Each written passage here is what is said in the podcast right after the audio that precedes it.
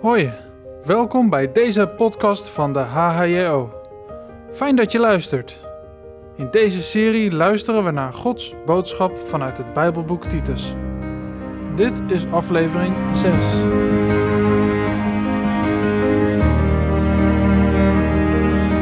We lezen nu eerst samen Titus 1, vers 15 tot en met Titus 2, vers 1. Lees je mee?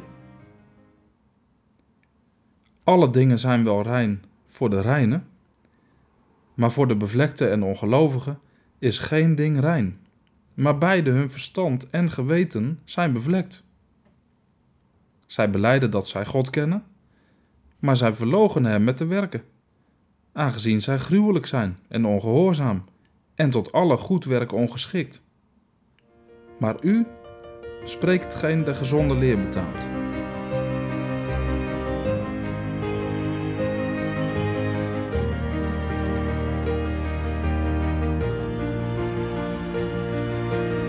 Is goed om hier weer even te bedenken dat we hier de opdracht van Paulus aan Titus lezen voor de gemeente van Kreta.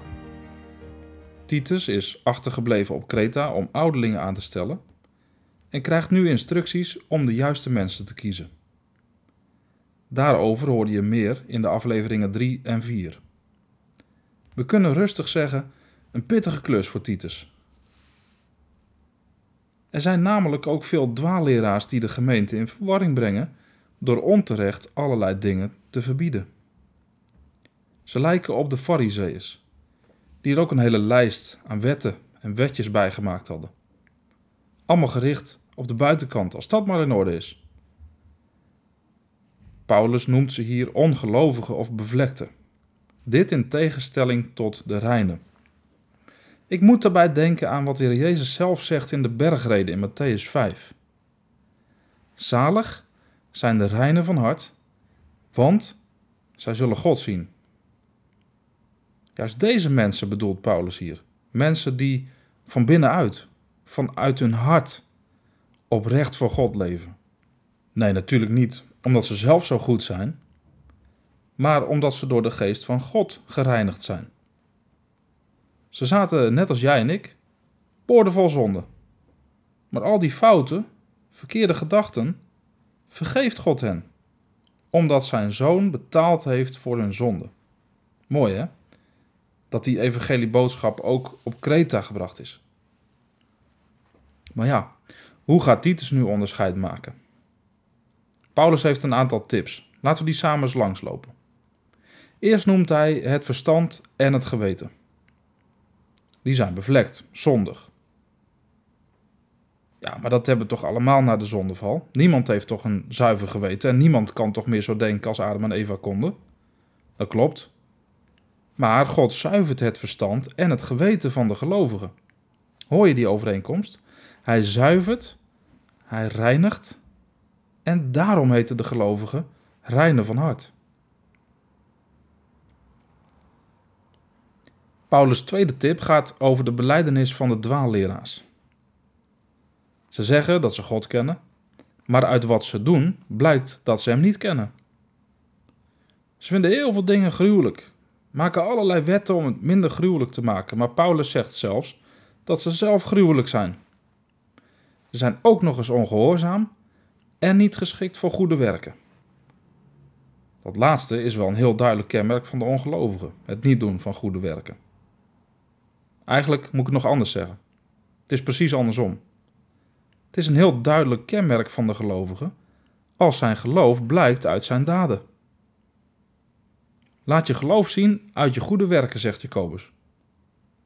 Nee, niet die goede werken die Luther en zoveel anderen tot wanhoop dreven, jezelf pijnigen, af laten kopen en noem maar op. Nee, de gelovige doet ze vanuit een waar geloof en tot Gods eer. Ze zijn in overeenstemming met Gods wet. Geen toevoeging van mensen of in opdracht van anderen, maar vanuit een diepe innerlijke motivatie. De derde tip is heel persoonlijk, bestemd voor Titus zelf.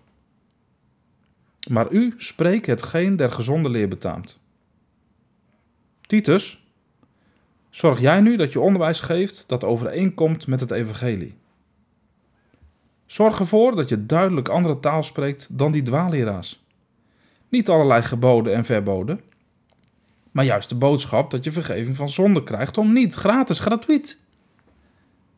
Niet allerlei dingen die je moet doen om je fouten goed te maken, maar vergeving van zonde, omdat Christus voldaan heeft. Nou, Titus, jij kunt vooruit. Ga de huisgemeente maar eens kritisch rond. Spreek met de mensen. Spreek met ze over God, over Christus, over vergeving van zonde.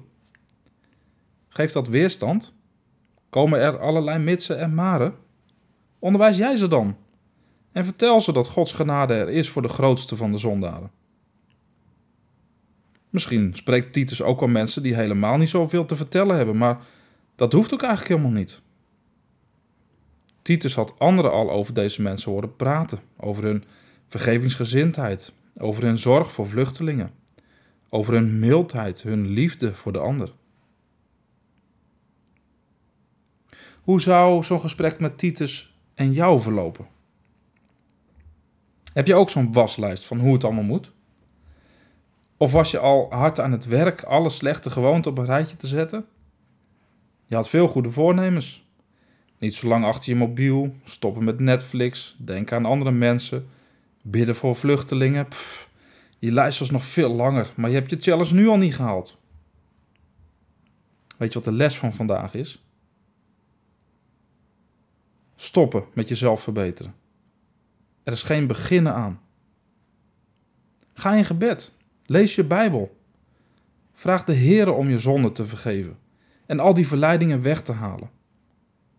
En als dat niet gebeurt, houd vol. De Heer hoort altijd en verhoort op zijn tijd. Misschien heb je helemaal niet zoveel te bespreken met Titus. Maar voelen jullie elkaar haarscherp aan? Jullie zijn van die leesbare brieven. Niemand twijfelt eraan of je een christen, een reiner bent. Je leeft uit je geloof en maakt anderen jaloers. Altijd? Nee, want een gelovige is nog geen heilige. Je bent niet zonder zonde. Maar je mag wel weten dat Christus ze vergeeft. Ook voor jou een les. Bid voor de ongelovigen in jouw omgeving. Heel persoonlijk. Leg de namen van hen die dwalen voor God neer.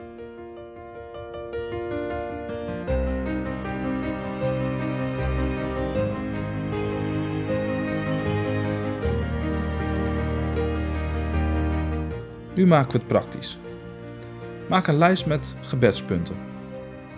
Ingedeeld per dag of per week of misschien per maand. Of gebruik een gebedskalender. Zo heb je elke dag iets concreets om voor te bidden.